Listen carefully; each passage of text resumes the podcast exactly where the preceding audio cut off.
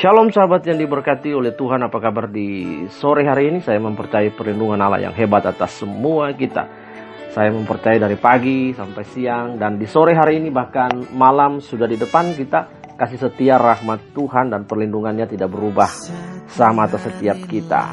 Nah sahabat di 6 Mei 2020 pada sore hari ini podcast kita berjudul Memento Mori terambil dari Ibrani 9 ayat yang ke-27. Nah sahabat mari sebelum kita memulai podcast kita di hari ini kita berdoa lebih dahulu.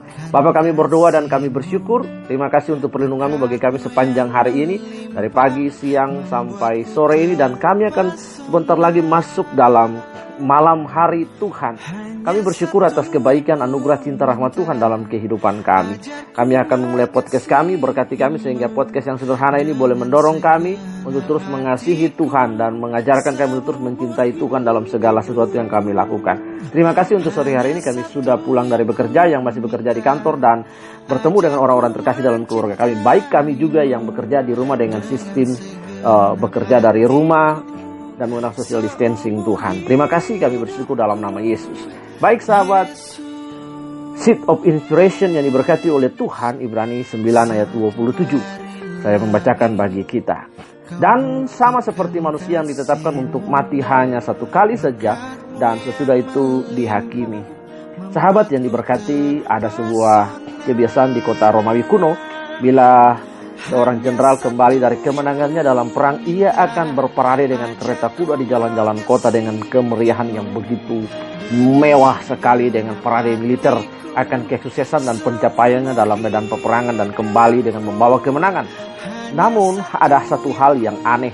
Ia akan membawa seorang hamba yang bertugas untuk terus-menerus membisikkan ke dalam telinganya sebuah kalimat yang terdiri dari dua suku kata yaitu memento mori yang berarti ingatlah kau akan mati. Artinya sekalipun ia sukses hari ini, besok hari ia akan bisa jatuh, ia akan bisa mati, ia akan bisa kehilangan apa pun. Betapa tragisnya bila kita mengakhiri kehidupan jasmani kita di dunia ini tanpa mengetahui ke mana roh dan jiwa kita berada. Betapa mengerikan keadaan kita jika kita mengakhiri hidup tanpa pengharapan.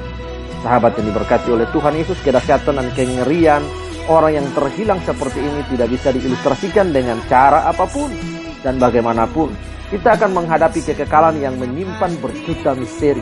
Jika kita tidak pernah belajar mengenai ada apa di balik kubur selama hidup kita sampai hari ini, mungkin kita akan menganggap remeh kehidupan di balik kubur. Kita akan selalu berpikir bahwa batas umur hidup ini masih jauh. Namun kalau kita tidak namun kalau kita masih terus berpikir demikian, pada saatnya nanti tidak akan sanggup menerima kenyataan bahwa kita sudah sampai di batas umur hidup ini.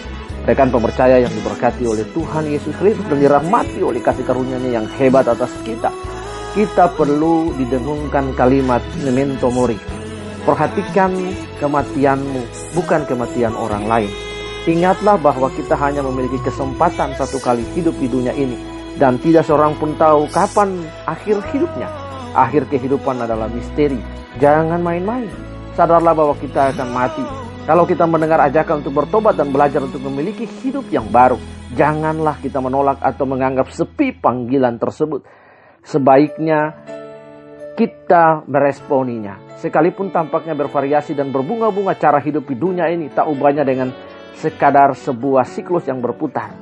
Itu lagi, itu lagi, pasti tidak jauh-jauh dari sekitar keinginan daging hawa nafsu, keinginan mata, afluensa, dan keangkuhan hidup, kebanggaan dan kehormatan dengan harta benda. Sahabat, mau diapakan juga hanya itu-itu saja.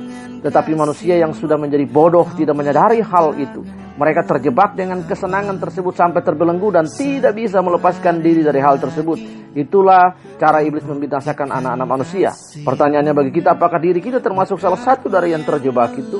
Sahabat yang dirahmati oleh kasih karunia, ingatlah, kita hanya mati sekali. Sesudah itu tidak ada kesempatan untuk memperbaiki diri dan bertobat lagi. Kesempatan yang ada hanya di saat kita masih hidup.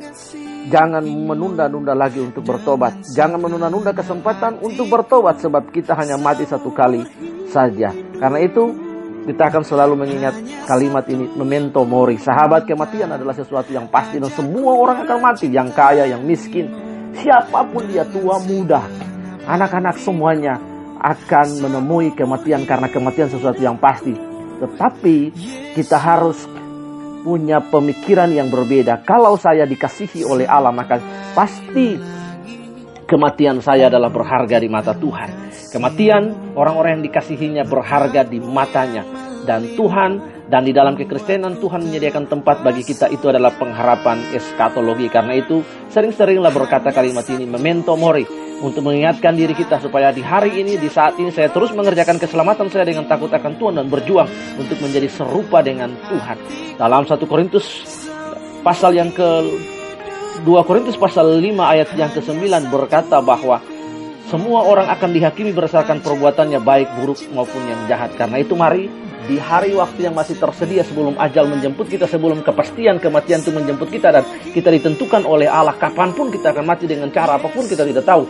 Mari kita terus berjuang untuk mengerjakan keselamatan itu dengan takut akan Tuhan dan hidup dalam kebenaran menjadi serupa dengan Dia sehingga ketika hari itu tiba kita telah siap kita mengakhiri dan menggenapi bahwa memento mori saya akan mati tapi cara mati saya adalah cara mati yang berbeda Bukan siapa yang mengantarkan saya, bukan siapa yang mengiringi saya ke peti mati, bukan siapa yang memimpin ibadah saya, tetapi siapa yang menjemput dan siapa yang menyambut saya di surga. Tuhan Yesus memberkati kita semua di tengah-tengah masa COVID ini. Biarlah kita terus mengerjakan keselamatan kita dengan takut akan Tuhan ada kesempatan bagi kita tinggal di rumah, kita mendidik keluarga, melatih keluarga kita, menanamkan nilai-nilai kehidupan Kristen dan mendekat kepada Tuhan. Tuhan Yesus memberkati kita, biarlah podcast ini memberkati semua kita. Mari tunduk kepala dan kita berdoa. Tuhan, di depan kami malam sudah menyambut kami. Karena itu kami berdoa biarlah damai sejahtera turun bagi kami di saat kami bersama-sama dengan keluarga berkumpul, berdoa, bercengkerama, uh, dan melakukan hal-hal yang baik lainnya di rumah kami. Tuhan berbagi dan share tentang apa pun Tuhan tolong kami. Pemeliharaan berlaku atas semua kami yang percaya kepada Engkau Tuhan. Dan kami menyerahkan malam hari ini perlindungan turun bagi setiap kami. Besok pagi kami bangun dan kami melakukan aktivitas kami seperti biasanya. Dan kami yakin perlindungan yang sama berlaku bagi kami di besok hari. Kami bersyukur dalam nama Yesus. Haleluya. Amin. Nah Tuhan Yesus memberkati kita sahabat sampai berjumpa pada esok hari dengan podcast yang sama. Shalom Tuhan Yesus memberkati kita. Kiri eleson. Immanuel Maranatha.